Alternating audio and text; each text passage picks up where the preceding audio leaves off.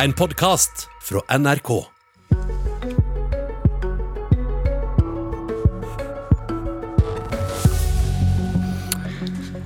Det var noe rart med pressekonferansen i går, der fire partiledere nettopp var blitt enige om statsbudsjettet. De smilte ikke. De pleier alltid å smile når de er enige om et budsjett, selv om noen smil kan være falske.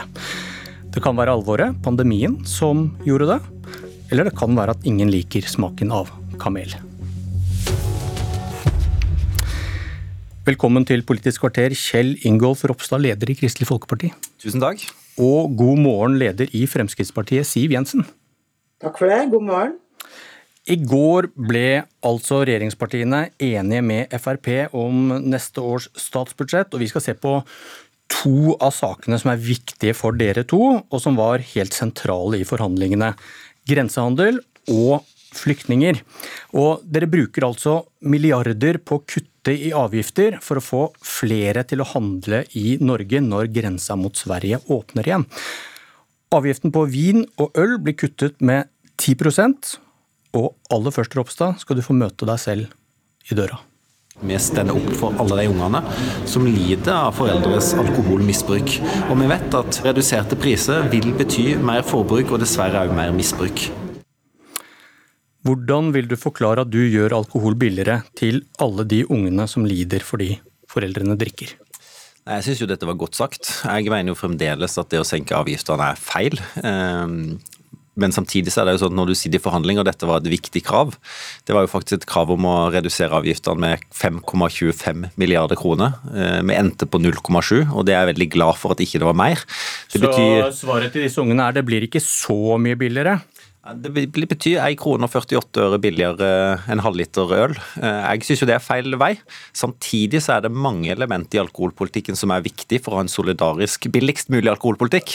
Nemlig å unngå de store samfunnsmessige kostnadene. og Det handler om f.eks. å regulere når du kan få kjøpe, hender du kan få kjøpe, Vinmonopolet, ha rusfri sone for ikke minst for barn, og alle de andre virkemidlene. og Derfor er jeg glad for at ikke er redusert alkoholavgiftene mer. Men vi tar ordene dine i starten her på alvor. Hvor mye mer mer misbruk blir det når du gjør alkohol billigere? Det klarer ikke jeg å ha noe anslag på. Nå er det bare en 10% reduksjon i prisene. Eh, men jeg frykter jo at det kan bidra til at flere eh, bruker for mye alkohol, og at det kan gå utover andre. og Derfor har jeg vært opptatt av at det ikke skal reduseres mer. Hvorfor har du ikke gjort noe forsøk på å finne ut hva dette betyr, før du sa ja? Fordi jeg har argumentert sterkt mot og kan god argumentasjon knyttet til dette hele veien. Men jeg har respekt for at dette har vært en viktig sak for Frp. Og med 4% i utgangspunkt i forhandlinger, så kan du heller ikke vinne alle sakene. Hvorfor har du ikke gjort noe forsøk på å finne ut hva dette vil bety? Før du sa ja? Altså, jeg er veldig godt klar over at forskning kan dokumentere veldig godt at økt pris, eller redusert pris, fører til økt tilgjengelighet, det fører til økt forbruk og det fører til økt misbruk. Eh, akkurat hvor mye 10% 20% eh, de ulike anslagene vil bety, det tror jeg er vanskelig å anslå med sikkerhet.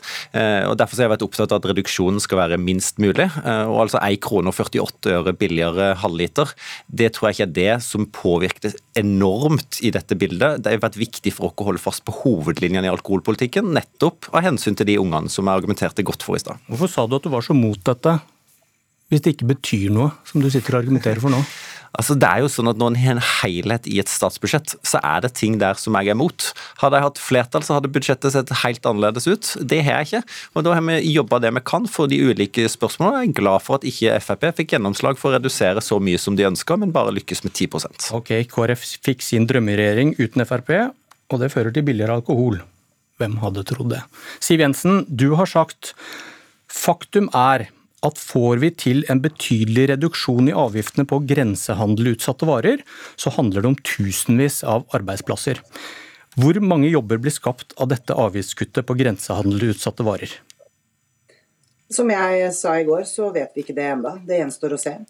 Jeg skulle gjerne sett at avgiftsreduksjonene var enda større.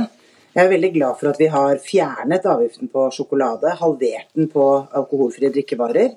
Men jeg skulle gjerne sett at avgiftsreduksjonen var enda større både på snus og på alkohol. Særlig snus vet vi er en eh, lokkevare som mange reiser over grensa for å kjøpe.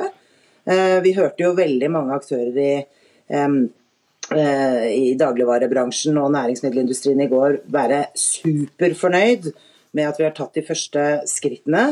Eh, og vi hørte en forsker på NRK i dag som var usikker på virkningen av dette. Det kan jeg være enig i. Men jeg er veldig glad for at vi nå reduserer avstanden til Sverige med 3,7 milliarder, i stedet for å gå motsatt vei. Um, uansett så vil jo disse avgiftsreduksjonene komme norske forbrukere til gode gjennom at det blir eh, lavere priser i norske butikker. Men argumentet her er arbeidsplasser, og du må nesten forsvare de kuttene du da har fått til. Eh, kan du dokumentere at dette vil gi arbeidsplasser? Den beste dokumentasjonen vi har på det, kommer jo fra eh, SSB, men også fra forskning gjort av dagligvarebransjen selv. Basert på de erfaringene vi har gjort oss nå med stengte grenser.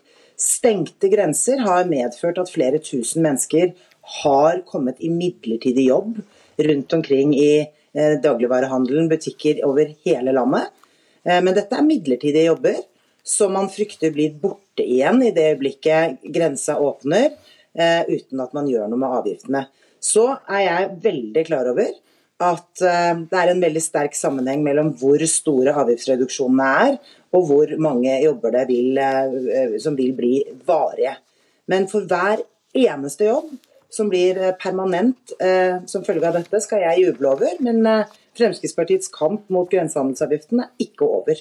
Men forskerne du viser til, jeg regner med det er denne Menon-rapporten som Virke fikk, fikk, bestilt. og De har sett på hva den omsetningen som har kommet siden mars har betydd for norsk dagligvarebransje med stengt grense.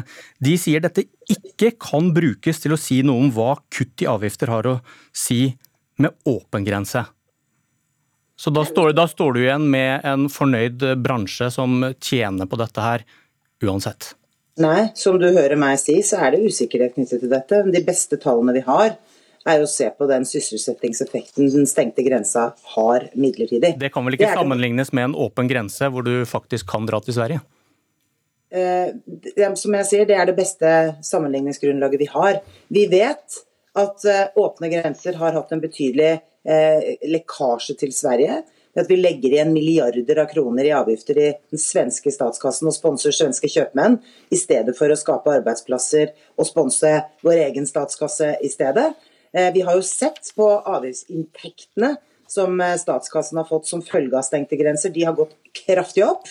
Eh, derfor er det ganske mye som tyder på at dette ville gitt flere arbeidsplasser, og ikke minst også større inntekter til den norske stat. Men det er da nå konsekvensen av disse avgiftskuttene vi får måle det neste året. Jeg eneste som i hvert fall er helt sikkert, er at dette skal komme norske forbrukere til gode gjennom at det skal synes på kassalappen. Vi får se etter pandemien til flyktningene. Og Siv Jensen, Sylvi Listhaug har sagt 3000 kvoteflyktninger er helt uaktuelt, da får de ingen avtale.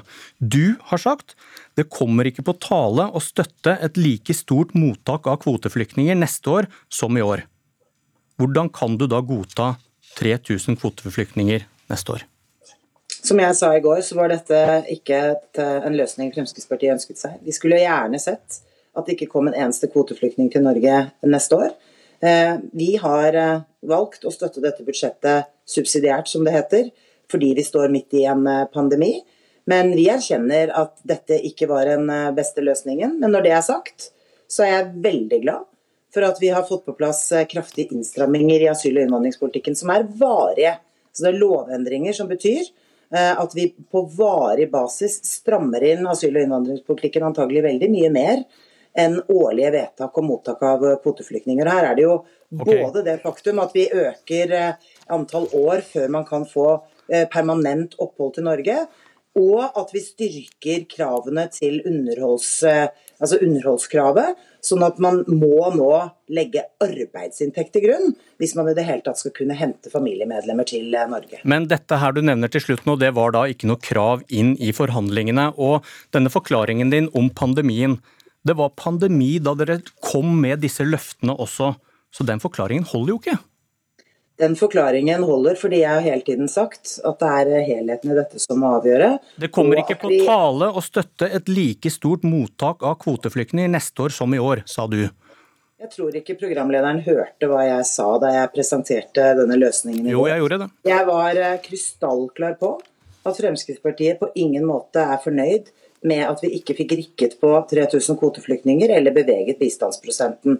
Vi har allikevel valgt å være med på dette fordi vi får redusert egenandelene for syke mennesker. Vi får styrket barnehagesatsene, nei, barnehagetilbudet til alle barn som går i private barnehager.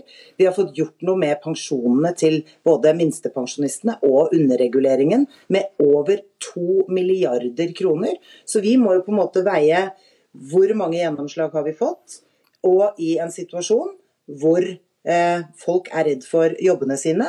Men jeg erkjenner fullt ut at det at vi ikke har fått gjort noe med kvoteflyktninger, det er vi svært misfornøyd med. Løftet lød fra Sylvi Listhaug 3000 kvoteflyktninger er helt uaktuelt, da får de ingen avtale. Hva, hva gjør dette med troverdigheten deres når dere skal komme med nye løfter før valget?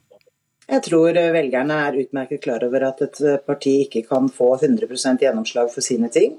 Hadde det vært opp til Fremskrittspartiet, så hadde det ikke kommet noen kvoteflyktninger neste år. Men det er nå engang sånn at det er den asyl- og innvandringspolitikken som til enhver tid føres, som avgjør hvor mange mennesker som til syvende og sist kommer til Norge. Men dette løftet brøt du, skal vi avslutte med det? Og, og nei, fordi anslagene vi har fått knyttet til innstrammingen i forhold til det å få permanent opphold til Norge, antagelig er mye eh, viktigere for tilstrømmingen til Norge enn 3000 okay. kvoteflyktninger. Og I tillegg så har vi jo nå fått KrF med på Eh, at vi skal prioritere kristne forfulgte. Og det jeg ikke forstår noen verdens ting av, ja, men, er du, nå, nå snakker du deg vekk. Vi kan, nei, vi, kan avslutte, jo, vi kan avslutte med at uh, disse, dette siste du sa om innstramminger, det var i hvert fall ikke kravet inn i forhandlingene. Og, men, hvis vi skal snakke om det du Siv Jensen? Ja, greit. Uh, vi skal snakke om det du, det du lagde en elegant overgang til, nemlig, nemlig kristne flyktninger. Sitat, Stortinget ber regjeringen sørge for at også forfulgte kristne, Ahmadiyya og jesidiske flyktninger skal prioriteres som gruppe og individer ved uttak av overføringsflyktninger. Ropstad, KrFs utviklingsminister Dag Inge Ulstein har advart kraftig mot en prioritering av kristne, og skrevet at det kan føre til at forfølgelse av kristne blir verre, fordi det da kan bli beskyldt for å konspirere med vestlige land. Hvordan kan du være med på dette? Jeg tror nok han er rett i det at hvis den kun hadde prioritert kristne eh, og sett vekk fra andre kvoteflyktninger, så, så, kunne den eh, beskrivelsen truffet sted. Du tror det, eh, disse landene ser de nyansene nei, i din men, politikk? Men, men det forslaget her handler om, er noe som jeg har vært opptatt av i lang tid, og som jeg er glad for at vi fant en enighet med Frp om. Det er jo religiøst forfulgte. Altså, de er forfulgt på bakgrunn av sin identitet, på grunn av at de er kristne, på grunn av at de er jesedie. Gjennom dette forslaget så viser vi ut at vi ønsker å prioritere flyktninger fra Midtøsten, og vet at jesediene. De ble jo forfulgt, eh, de ble drept, eh, de ble voldtatt eh, under krigen i Syria, flukt fra Irak. Ahmadiyya-muslimene vet vi òg er en gruppe som blir utsatt for, eller blir kalt vantroende andre muslimer. Så, så, dette er grupper som er sårbare. Og sammen med de andre sårbare, det står jo også der, eller au, som jeg ville sagt, at en skal prioritere de religiøst forfulgte ja, men, men du, Dere skriver, ikke sant, Du kan ikke komme bort fra at dere vil prioritere kristne. Og hør nå. Er jo sterkt forfulgt i Midtøsten. De er en minoritet. Eh, og det er selvsagt at vi skal stille opp for mennesker som er på flukt og som trenger beskyttelse, og derfor prioriterer vi òg de gruppene. Preses i Bisperådet og biskop i Nidaros, Olav Fykse Tveit, sier til VG at en prioritering av kristne er i konflikt med det kristne menneskesynet. Jo, men eh, framstillinga i går, eh, den var jo at det var kun kristne som skulle prioriteres. Eh, det ligger Tror du ikke han ha fått med seg nyansen her? Nei, jeg, Når du VG har stilt et så dumt spørsmål? Det, det mistenker meg at de kan ha gjort det, ja. jeg har vært borti lignende spørsmål før. Men, men, men, poenget er jo at det ligger kriterier til grunn, at vi skal prioritere barnefamilier. Vi har pekt på ulike land, vi har pekt på LHBTQ-flyktninger som er forfulgt pga. sin legning. Men du prioriterer på, på bakgrunn av religion? Jo, men de er forfulgt på bakgrunn av hvem de er, og de tror på. Det er dessverre veldig mange mennesker i verden som er på flukt pga. at de nettopp er kristne, eller de er jesedier, eller de har en minoritetsreligion. Og Det å beskytte den type grupper, det mener jeg er en plikt, og det mener jeg er bra at Norge skal gjøre. Ok, vi rekker ikke mer, selv om eh, jeg har flere, flere ark for meg. Har denne siste, siste tiden gitt dere lyst til å fortsette å lage budsjett sammen, da? Veldig kort. Altså, dette budsjettet handler jo først og fremst om å skape mer og, og inkludere flere, få flere mennesker tilbake igjen i jobb. Og selv om vi diskuterer ting vi er uenige om, så har vi klart å lage et budsjett som skal sikre at landet får eh, skapt flere bedrifter, og at flere mennesker kommer i jobb. Klarer du å svare på spørsmålet på fem sekunder, Siv Jensen? Ja, Fremskrittspartiet er eh, godt forsynt når det gjelder samarbeid med Kristelig Folkeparti og Venstre. Og dette samarbeidet ville ikke funnet sted hvis det hadde vært en normalsituasjon. Og det var Politisk kvarter. Jeg heter Bjørn Myklebust. Du har hørt en podkast fra NRK. Hør flere podkaster og din favorittkanal i appen NRK Radio.